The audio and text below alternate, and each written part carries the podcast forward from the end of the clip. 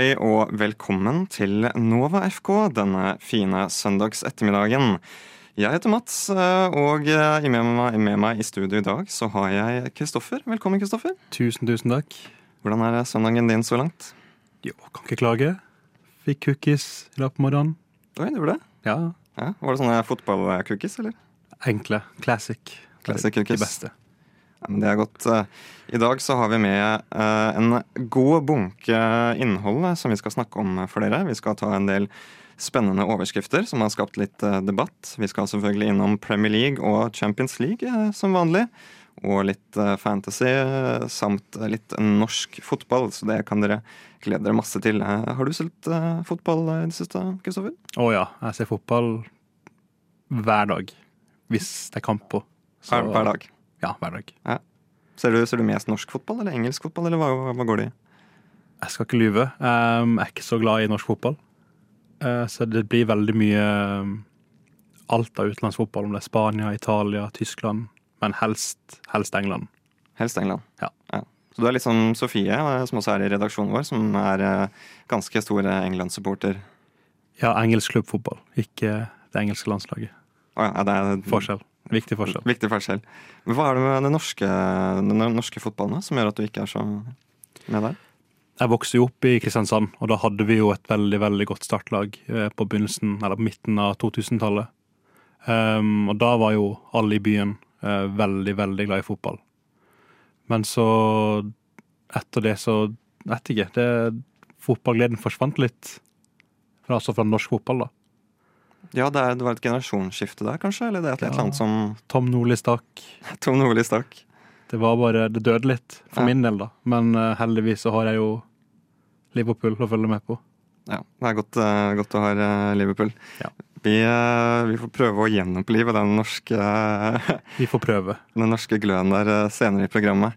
Eh, Først så får du Lov mig av Bjørn.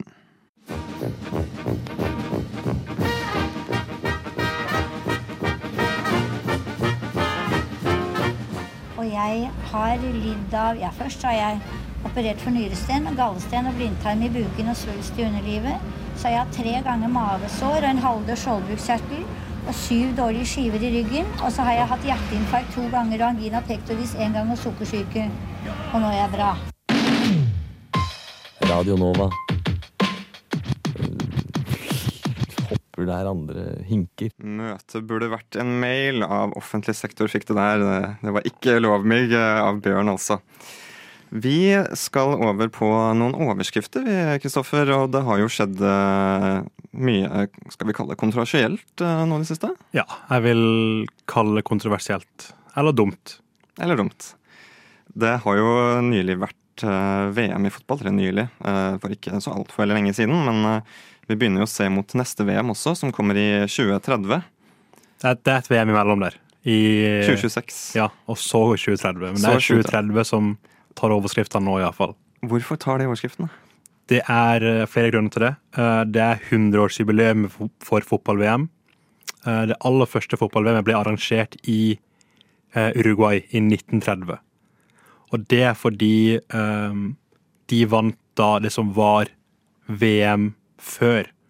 Før fantes det ikke noe Fifa og noe verdensmesterskap, så de brukte OL til å bestemme eh, VM. Og da du vant OL, så fikk du lov til å arrangere VM. Så det første offisielle VM ble holdt i Uruguay i 1930. Og derfor skal de første kampene i 2030-VM spilles i Uruguay, Argentina og Paraguay. Og Portugal, vel? Og resten av mesterskapet skal spilles i Marokko, Spania og Portugal. Ja, det, det blir eh, ikke mangel på flyreiser og diverse for spillerne. Det er jo litt fram og tilbake der. Ja, altså Hold det på ett kontinent, i det minste. Ja. Nå er det jo to kontinenter òg, med tanke på at eh, kamper kommer til å gå i Spania og Marokko og Portugal, men avstanden der er så liten. Så eh, det blir veldig mye unødvendige flyreiser og restitusjon på spillere og det Nei. Ja. Hvis du skal ha et 100-årsjubileum, bare ha det i Uruguay, eller drit i det. Det er ikke vits å drive og flytte frem og tilbake mellom uh, disse to kontinentene. Det er et hav imellom her. Et gigantisk hav imellom. Det er eh, literally et hav imellom. Jeg, jeg føler kanskje at det ødelegger litt av sjela jeg, til VM. Liksom det at ett land skal liksom få Eller et kontinent skal liksom få vise frem kulturen sin, og nå blir det jo litt, litt mer enn det. Ja, altså uh, under Russland-VM så fikk du også samme problem med reising. For de hadde jo noen kamper som gikk uh, omtrent på sida av Mongolia, og så hadde du noen kamper som gikk på sida av Ukraina. Og det er jo enorme avstander. Og samme problem får vi jo nå under Canada, USA og Mexico-VM i, i 2026. Dette er jo kanskje det eneste som var lurt for eh, Eller var bra under Qatar-VM nå. Ja. At avstandene var jo maks en time kjøring mellom stadionene, og da fikk på en måte spillerne eh, restituert mest mulig. Det var ikke noe flyreise, det var ikke noe lange togturer. Det var liksom én time frem og tilbake, ferdig. Og det følte jeg vi fikk se mye av under VM. Ordentlig gode altså spillere i toppform som fikk restituert riktig, og VM-finalen er jo på en måte prakteksempelet her. 3-3 i en VM-finale, altså, det kan vi bare drømme om. Ikke sant? Det er, det er mye vi kan eh, drømme om eh, eh, og se fram til. En annen, hvis du skal snu det til en, en positiv ting, da, det er jo at um, det kommer kanskje ny teknologi uh, til eh, kampene som vi kommer til å se nå nylig. Eh, hvis jeg sier playmaker, eh, ringer det noen bjeller hos deg? Yes. Dette er da en ny AI-teknologi som Fifa nettopp har godkjent til kamp. Nå bruker jo spillere den jeg Kan minne om en sports-BH Ja, med, med en tracker bak på ryggen som eh, måler hvor fort de løper og hvor de befinner seg på banen. Men dette er veldig dyr teknologi som krever masse kameraer i tillegg. Men den nye um, playmaker-teknologien, som de kaller det, er um, en slags Hva skal jeg kalle det? De- Du fester den fast til skoen din på utsida av skoen på toppen. Ja, det er, det er en slags sånn strikk. Ja, en strikk på skoen. Rundt skoen. Uh, rundt ankelen nesten, og den skal uh, måle antall touch, hvor hardt du tar imot ballen, hvilken hastighet foten din har inn mot ballen på en pasning, altså en kort pasning eller en lang pasning, eh, hvor på banen du befinner deg mest, hvor på banen du tar flest touch. Så innenfor liksom Så alle de som er glad i statistikk og sånn i fotball, kommer ut og har en field day her. Altså Ja, altså det er jo en teknologi som har blitt utvikla i samarbeid med flere fotballklubber. Jeg tror er Manchester City, Fulham, Benfica kanskje òg stemmer. er jo involvert her. Jeg tror man kan gå inn på Playmaker sin nettside og Mm. kjøpe det for seg selv også. Det kan du. Det er dyrt, men Det er dyrt, men det er jo veldig kult å kunne liksom samle statistikk om deg selv da, og se ok, jeg er mest venstrebeint, og ok, jeg må øve litt mer på å skyte hardere her. og Det er sånn, det kan jo hjelpe med å forbedre spillet ditt. da. Ja, Adidas hadde jo en sånn inn under skoen, under, så, under sålen, i sånn 2011. Den hadde jeg. Ikke at jeg trengte den, men jeg hadde den. Den målte liksom hvor hardt du skøyt og hvor langt du løp og topphastighet. Var det, det verdt det? Eh, For min del, nei. Det var mer en sånn reality check En reality check, ja. på det groveste. ja. Nei, det, det holder kanskje å se det for de proffe spillerne. Ja, det er nok eh, bedre tall, da. Ja. Mye bedre tall. Mye bedre tall. Vi eh, har også en veldig morsom liten sak i, i Italia. Yes. Forrige sending, eller sendinga før det, så tok vi opp dette med at en keeper skårte i eh, tilleggstiden. Og eh, det er jo en eh, ny keeper, eller to for så vidt, som er på banen denne gangen. Ja. Um, I går kveld spilte Milan mot uh, Genoa, og Milan hadde brukt opp alle fem byttene sine. Og da ble de sin uh, keeper Mike Mignan uh, vist ut. Rødt kort. Og da måtte spiss, VM-vinner, FA Cup-vinner, Premier League-vinner Olivier Giroud stå i mål og han hadde en matchavgjørende redning. Og som ikke det var nok, så fikk eh, Genoa også utvist sin keeper på overtid. Men eh, der tok de et bytte. De hadde fire bytter gjort, da. Så det er ett bytte igjen, og da bytter de inn på keeperen. En reservekeeper. Men uh, to keepere utvist på overtid.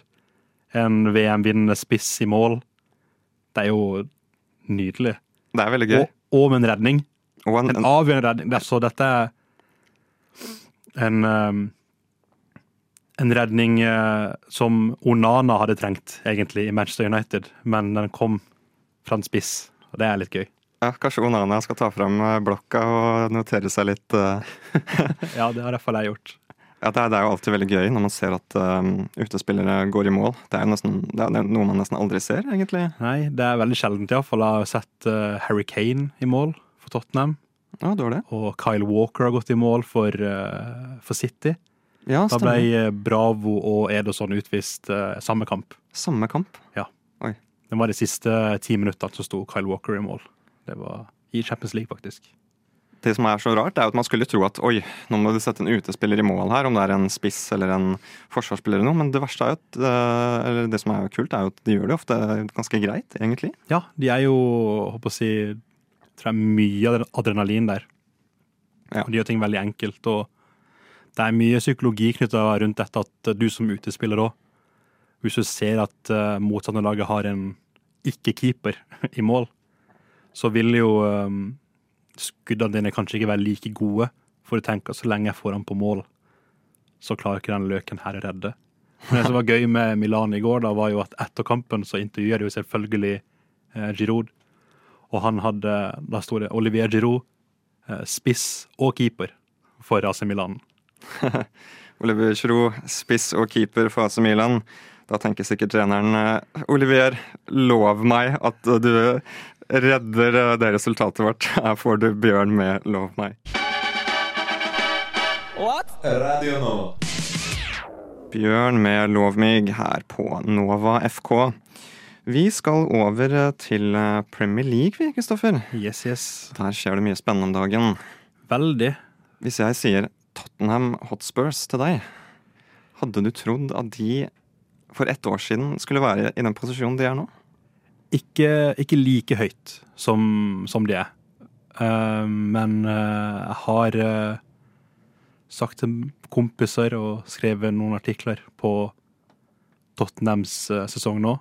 Og de, de kommer til å klare topp fire. Med et godt januarvindu så er de topp fire. Det kan jeg, det kan jeg nesten garantere.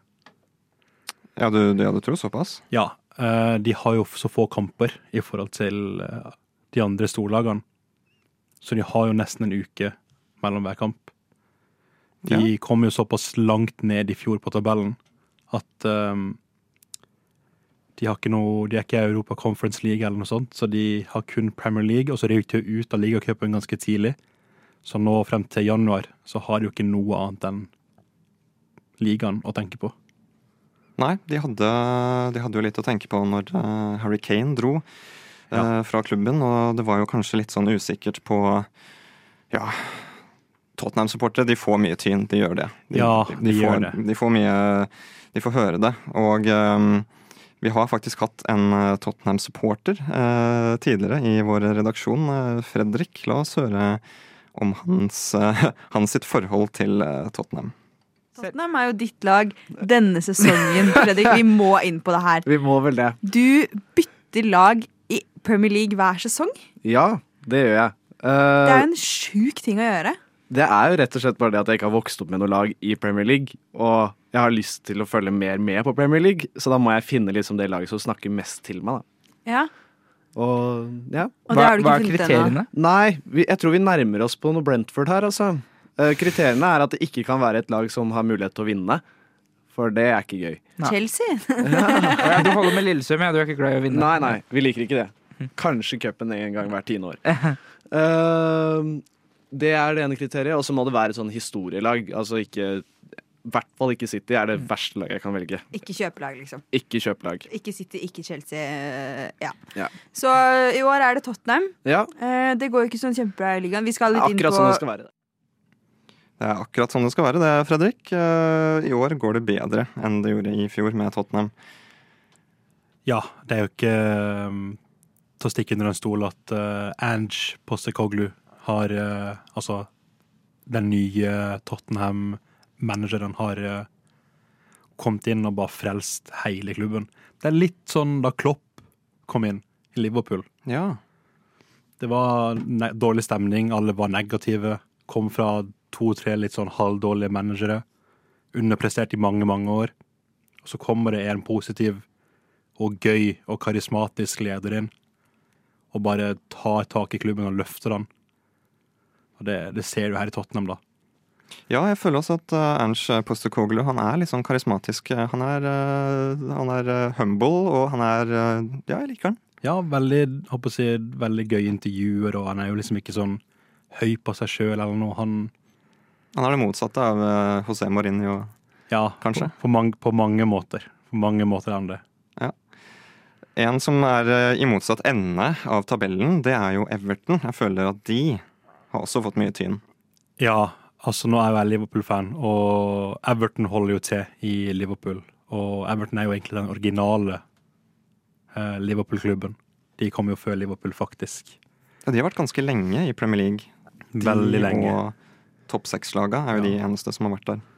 Lenge. Og, og det, det er jo trist å se at en så stor klubb med så store planer og, og sånt gjør det så dårlig som de har gjort de siste. Men nå, de to-tre siste kampene, har det tatt seg virkelig opp under eh, Sean Dyche, og de har signert gode, gode spillere som andre bunnlag ikke kan tiltrekke seg. Altså, det er slemt å si, men de har, vært, de har flørta med nedrykk to år på rad.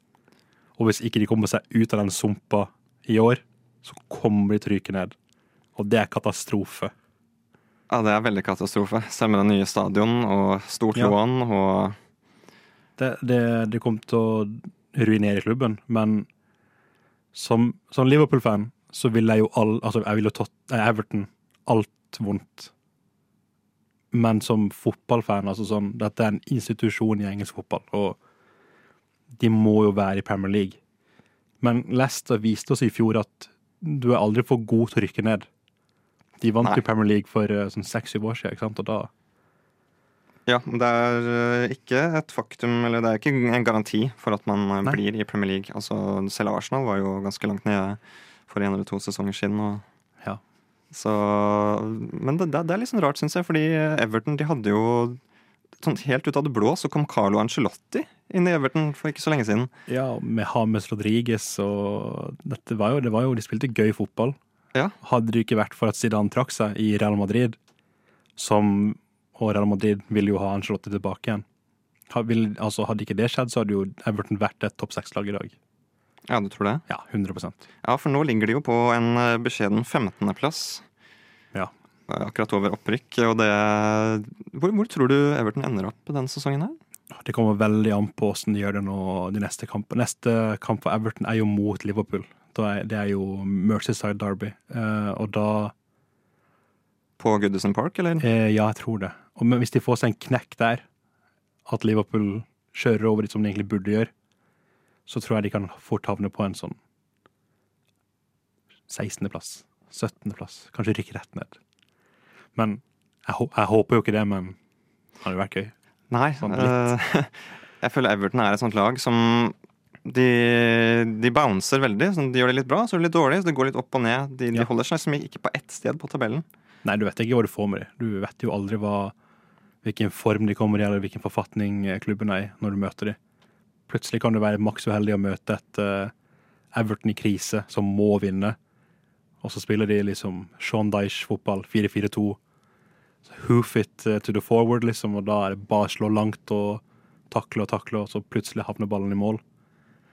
Eh, eller så møter du et eh, skikkelig, skikkelig dårlig Everton-lag som bare er helt forferdelig på ja, startnivå. IK-start, liksom. Da, uff. Uff, nei. Ja, enten så har du Ancelotti i fotball, eller så har du Sean, Sean Dyche. Ja. Det er jo litt som de sier i Er det Forest Gump? Uh, Everton is like a box of chocolates. You never know what you're gonna get. Du Du Du hø hø hører på. På Radio Nova. Ben Orekis med driblefant her på Nova FK.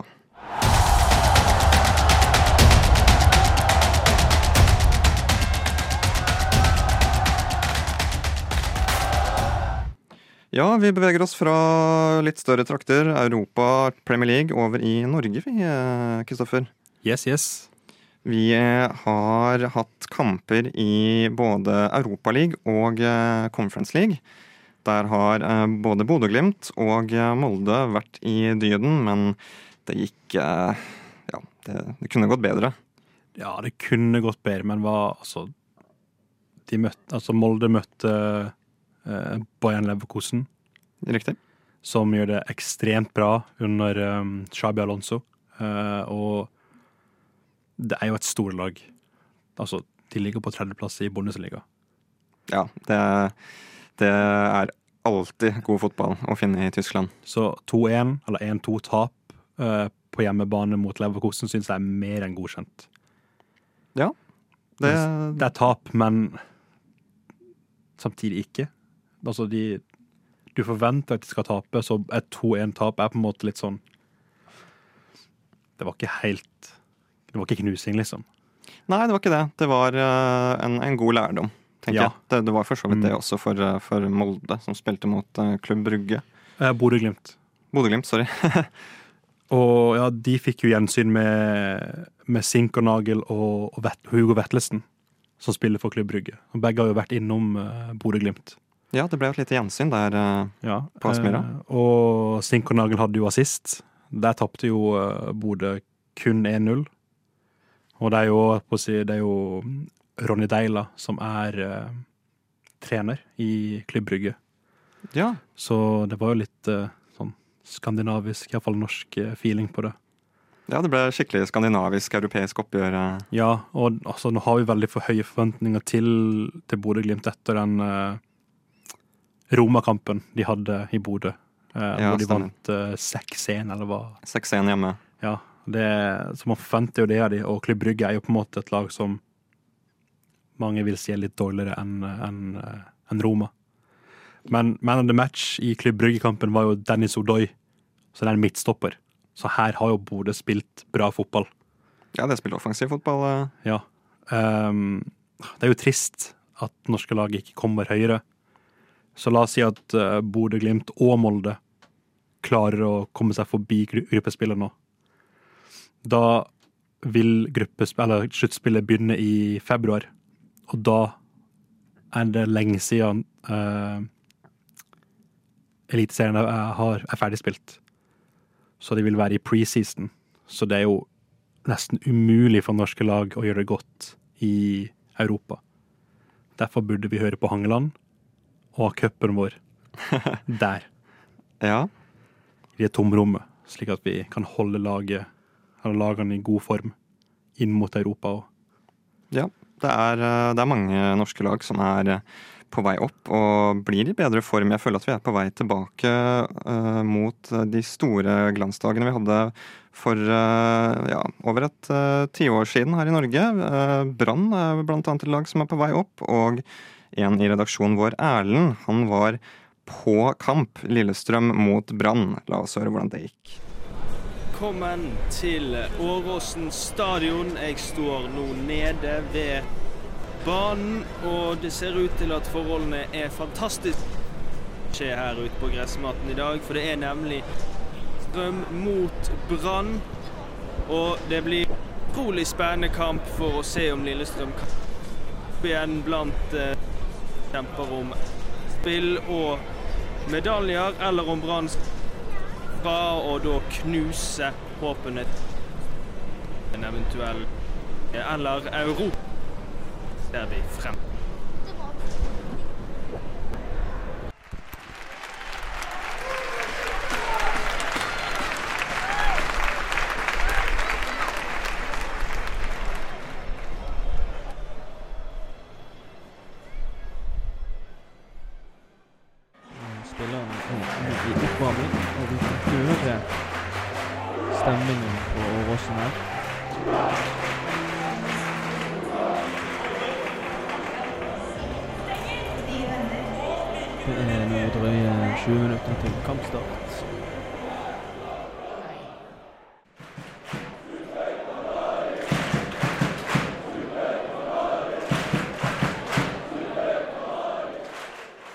Da var det klart for kamp, og denne kampen skulle vise seg å bli svært interessant for eh, begge lag.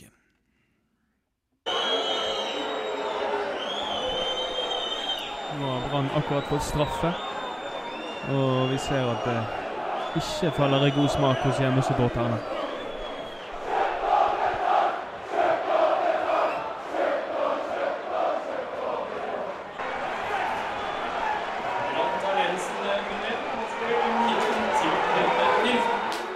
Og etter kampen så var det tid for å ta noen intervjuer med de respektive trenerne. Det ble altså en ordentlig Eirik-duell, kan man si. Eirik Horneland mot Eirik Bakke. Eh, og Brann-trener Eirik Horneland, hvordan syns du at denne kampen gikk i forhold til hvordan du ville at den skulle gå? Ja, det var jo først og fremst en uh, duell mellom Brann og Lillestrøm, som jeg sa det. Sant? Uh, to hardtarbeidende kollektiv, to aggressive lag. To lag som uh, uh, prøve å få i spill sine spisskompetanser i, i offensiven. Uh, tøff kamp for oss, uh, som jeg syns vi vinner fortjent. Dere har ennå ikke tapt på Åråsen siden 2018. Er har dere en spesiell medisin som dere bruker for å vinne på Åråsen hver gang?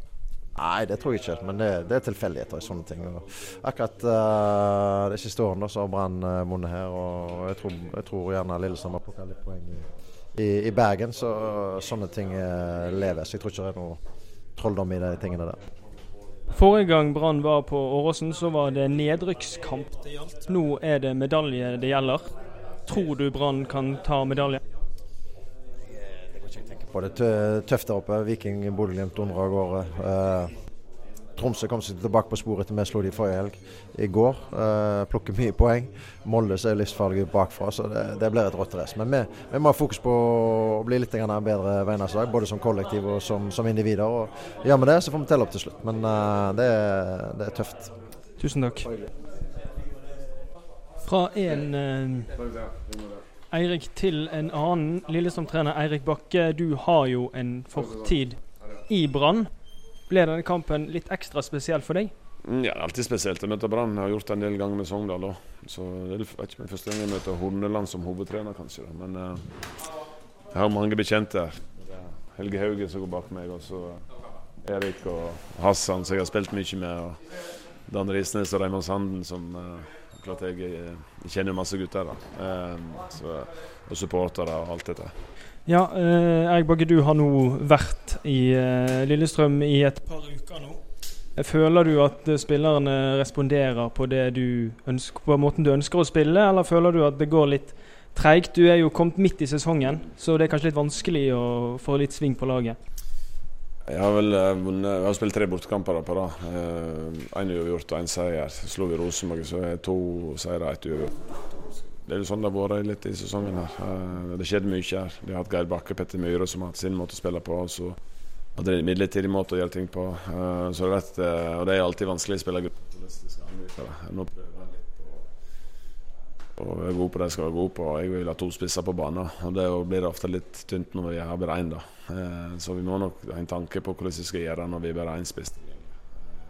Så, får vi se. Det, som sagt, dette blir avgjort. Begge får kjenne litt på hverandre, og så tar vi det derifra. Jeg trives veldig godt her. og Det er en fantastisk klubb å være trener for. Nå er det neste kamp borte mot Stabæk, og så er det hjemme mot uh, Vålerenga. Hva tenker du at det må til for at dere skal klare å forberede dere godt nok til den kampen? Nei, det er jo, Jeg lærer mye av at det er mye snakk om Vålerenga-kampen. det har vært lenge, og jeg skjønner at den betyr mye. Både for historien mellom klubbene. Den største kampen i året, så jeg gleder meg voldsomt til den kommer. Med det som skjedde med trenerne, så blir det veldig spesiell. Vi må bare huske på at vi har kamper imellom her, og så vi skal vinne. Så Stabæk borte er et lag som må kjempe om å holde seg. klart Det blir en tøff kamp. Men Når den kampen kommer, kommer nå har vi tre, kamp, tre spillere ute med karantene. Fikk jo seks skolekort i dag, så vi må bruke litt uker på å finne konstellasjoner litt, hvordan vi skal gjøre ting. og Så gjør det at vi har mulighet til å ta poeng der. Takk for intervjuet. Og det var det vi hadde fra Åråsen. Jeg takker for meg. Mitt navn har vært Erlend. Og så ses vi kanskje på en annen kamp en annen gang. Tusen takk, Erlend, vår utegående korrespondent uh, i uh, Lillestrøm. Hvis eh, du har lyst til å høre flere slike innslag, eh, hvor vi drar på kamp og dekker eh, det som skjer, og kanskje får litt spennende intervjuer med spillere og trenere, så er det bare å tipse oss på våre sosiale medier. Eh, Så tar vi det med videre. Det kommer jo mange spennende kamper fremover. Blant annet eh, er det en landskamp eh, for Norge mot Spania, så hvem vet? Kanskje Kanskje det dukker opp noe eh, spennende her. Men eh, først får du Odny med barndomsmelodi. Odny med barndomsmelodi her på Nova FK. Vi eh, går eh, litt tilbake til eh, Europa igjen, vi, Kristoffer. Ja. Du heier jo på engelske lag, var det det? Ja, Liverpool, men engelsk fotball er liksom det jeg følger mest med på. Ja, Hvis jeg nevner Newcastle for deg, hadde det vært et spennende lag å følge med på? Ja, også før de ble eid av Saudi, men eh, Ja, Da må vi helt tilbake til Alan Shearer sin tid. og Ja, eller bare sånn da de ikke var så fryktelig gode. Men det er jo veldig gøy å se på de spillene nå. Ja, det er jo det. De uh, Man skulle jo, eller jeg trodde i hvert fall at de ikke kom til å nå så veldig langt i Champions League. Fordi eh, på veldig mange år, 20 år eller noe sånt, tror jeg, så er de stemmer, stemmer. tilbake i Champions League i det man kunne kalt for group of death. Mm. Newcastle er i gruppe med annet eh, Dortmund, eh, PSG, eh, Milan Ja, det er jo stormakter, håper jeg, innenfor fotball i Europa. Så det er jo Og Newcastle. Det blir gøy å liksom Du drar fra kanskje de, den største fotballinstitusjonen i Milan til eh, en av de største talentfabrikkene i, i, i verden, i, Dortmund, og så har du jo pengegale PSG i Paris. Så det var jo veldig mange navn til den kampen her, blant annet uh, Oil uh, Classico. altså, det var jo helt nydelig. Oil Classico. Jeg liker den. Den er fin. Ja. Nei, jeg, jeg syns at uh, Newcastle har gjort det overraskende greit, respektabelt, selv med, med nye eiere nå. Um, Jeg hadde aldri trodd at de skulle toppe gruppa si i Champions League. eh. Nei, nei, jeg tippa de helt nederst, jeg. Ja. I gruppa. Så jeg altså Før den kampen her så sendte en kompis en melding til meg og var sånn Har du noe bettingtips til den kampen? Newcastle kommer til å vinne, og de kommer til å vinne med et minst to mål. Så han vant litt penger, da. På grunn av meg, liker jeg å tro. Ja, for eh, Newcastle de vant jo 4-1 hjemme mot eh, PSG. Helt sykt. Helt sykt. Og det som, synes, er- det, det som er så veldig gøy, er at jeg så høydepunktene til den kampen, og um, for hver takling som eh, Newcastle gjorde, så fikk de publikum med seg. Ja, det var ja. liksom Yes. Og jeg har hørt veldig mange, eller sett veldig mange podkaster og sånn, hvor uh, keepere og uh, forsvarsspillere på motstanderlagene sier at St. James' Park heller veldig mot, uh, altså mot midten. Så det ser ut som du må spille i oppoverbakke. Og i tillegg så er St. James' Park bygd veldig i høyden. Så det ser ut som du treffer en vegg av eh, gale, gale engelskmenn. Så jeg tror eh, de eh, altså PSG-spillerne fikk seg en liten støkk da de møtte det, Altså, St. James' Park kokte jo. De, som du sa, de jubla etter hver takling og tenkte at Dan Byrne spilte mot uh, Osman Dembélé, og så var det Dan Byrne som skårte. Ja, det, det jeg syns var gøy, det var at det, det blussa opp en eh, liten debatt eller diskusjon på, på Twitter, eller X, da, hvor noen fans hadde også betta på at uh, Newcastle kom til å, å vinne ganske stort, og de mente at uh, Kylian Mbappe, blant annet, han var jo ikke til stede i den kampen. Han, Nei, nei. Han, hadde, han hadde dratt på Greggs, liksom. Og for de som ikke vet, så er Greggs eh, en bakerkjede i, i England, og han, hadde bare, han tenkte bare på bakervarer, han. Og så kommenterte Greggs det, det, det innlegget med at ja, Kylian, hvis du er sulten, så kom innom for en uh, bakevare hos Greggs. Ja, jeg var jo i, eh, i London nå sist uh, april, Og da han ene reiste med, var veldig sånn Vi må innom Gregs, vi må innom Gregs. Så det kan jo være at uh, Mbappé hørte på, på Niklas, da, som han heter. Ja, Kanskje han hørte på Niklas. Eh, kanskje han også hører på Flimmer og Marie Gram med Du og jeg. Du lytter til Radio Nova. Filmer og Marie Gram med Du og jeg her på Nova FK. Vi skal eh, avslutte sendinga, vi, Kristoffer, med litt eh, fantasy. Ja. Um,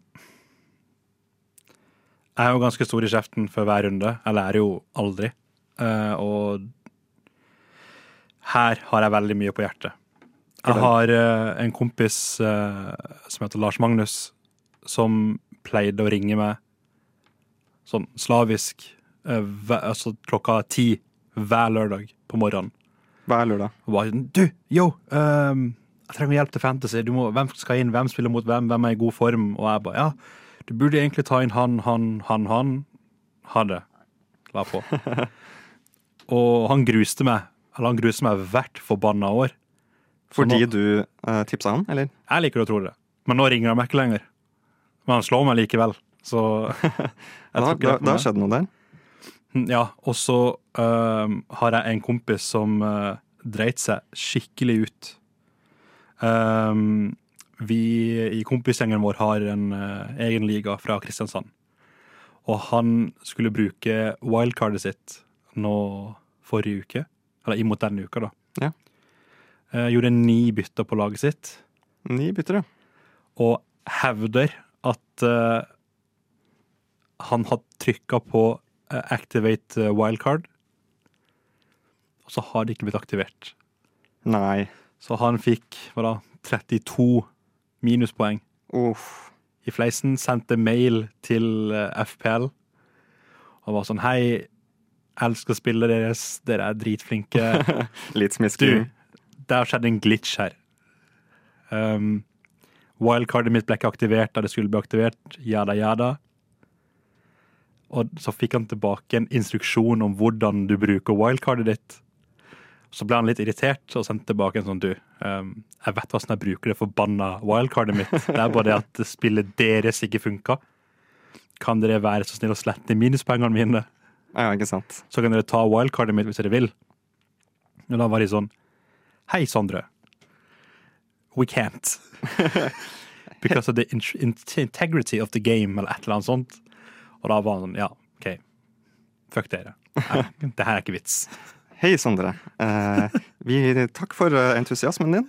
Eh, her har du 30 ekstra minuspoeng. Nei. Og du, da? Åssen gjør du det på Fantasy? Eh, jeg skammer meg litt for å si at jeg har også aktivert mitt eh, wildcard denne runden her. Ja, du trykka aktiver. Ja. Så jeg, jeg har den heldigvis eh, aktivert. Jeg bytta inn fem spillere. Um, litt fordi Jeg hadde egentlig tenkt, å vente med det til etter um, internasjonale eller landslagspausen. Men så får du jo opp sånne artikler og tips da, på e-post. Ja, det er farlig å gjøre på det. Du Kan ikke abonnere på de. Nei, jeg har gjort det, da, og hørt på de såkalte ekspertene. Som, eh, som gir meg tips, eh, og sa blant annet at eh, ja, men Tottenham de er jo i vinden om dagen. De skal spille borte mot Luton. uh, så jeg tok jo sånn inn, uh, og gjorde han som captain. Ja, jeg har gjort det samme. Ja da. Og uh, tok ut Mitoma og Embumo og litt av hvert. Ja. Har egentlig ikke høsta så mye penger på det, altså. Nei, han fikk jo tre poeng, altså seks poeng som, eh, Som kaptein. som kaptein, ja. uh, men du, du har eh, Haaland på laget, du, har du ikke det? Ja, Haaland på laget. Ja, for han tok jeg ut. Å, hvorfor det? Jeg ligger så langt bak nå at jeg må, jeg må diffe, altså få en differential her, for Ja. å kunne gå forbi noen av de som ligger foran meg. Så jeg gambler hardt på Tottenham og Liverpool. Ja. Liverpool litt, litt for hjertet. Uh, og i og med at de har både Gakpo og Jota ute med Altså Jota suspendert og, og Gakpo ute med skade, Ja, stemmer. så er det bare tre angrepsspillere de kan bruke nå. Og det er Salah, han er på laget mitt. Uh, Luis Diaz, han har jeg ikke. Jeg har Dominic Soboslai, min nye, mitt nye crush. og på topp har jeg den ene Altså Darwin Nunes. Sånn Darwin Nunes. Åh, han er Bare vent. Hat trick i dag mot uh, Brighton. Enten så får eh, Darwin hat trick, eller så bommer han og treffer eh, Bislett stadion. Ja, enten eller. Enten eller. Um, ja, nei, jeg føler at uh, man kan uh, som regel satse på, hvis vi skal være inne på differentials, eller spillere som kanskje ikke alle går for, så er det jo uh, kanskje litt mer safe å gå for noen i Aston Villa eller Brighton eller Westham. Ja, men problemet er at eh, altså for min del så måtte jeg sjekke hvem de andre i min liga hadde. Og alle har jo Haaland. Eller så har de Haaland og Alvarez, eller Haaland og Watkins. Ja. Og da er jeg sånn, ja, jeg kan ikke gå for de, og alle har Mitoma. Så er jeg sånn, faen, jeg kan ikke Jeg må gå helt rogue her. så jeg har Soboslay, og så har jeg um, På topp da så har jeg Darwin og eh, Alvarez. Ja. jeg, er ikke så rogue, men det, jeg må, kan ikke gamble helt. Nei, nei men de, de, de kan fort hente poeng, de. Sånn ut av det blå. Ja, og Matty Cash, han har jeg. Matty Cash, ja. Han lukter eh, ni poenger i dag. En assist. Ja, Aston Villa, hvem spiller de mot i dag? Uh, Wolverhampton. Så Ja. han møter jo et eh, ja, Du vet jo ikke hva du får med Wolves. De kan jo plutselig slå City og De kan plutselig slå City, og så kan de plutselig tape 8-0 mot Aston Villa. Ja, du, you never know. Litt som Everton. Litt som Everton, ja. Ja. Kanskje Ja, det er Everton. Det er Everton i gult.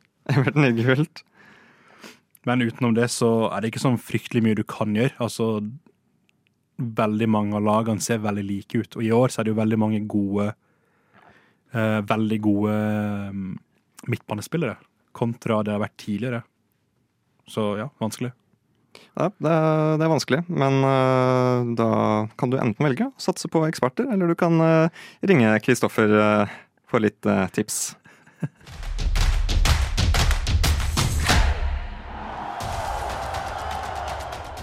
Det var det vi rakk i dagens sending av Nova FK. Tusen takk for at du hørte på oss, øh, kjære lytter. Hvis du ikke rakk øh, hele sendingen, så kan du alltid finne oss på din foretrukne podkasttjeneste etter sendingens øh, slutt. Tusen takk til deg, Kristoffer, for at du var med i dag. Takk for at jeg kunne være med.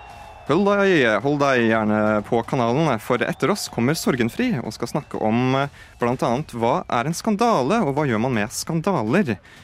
Takk for at du hørte på oss, og vi ses neste søndag.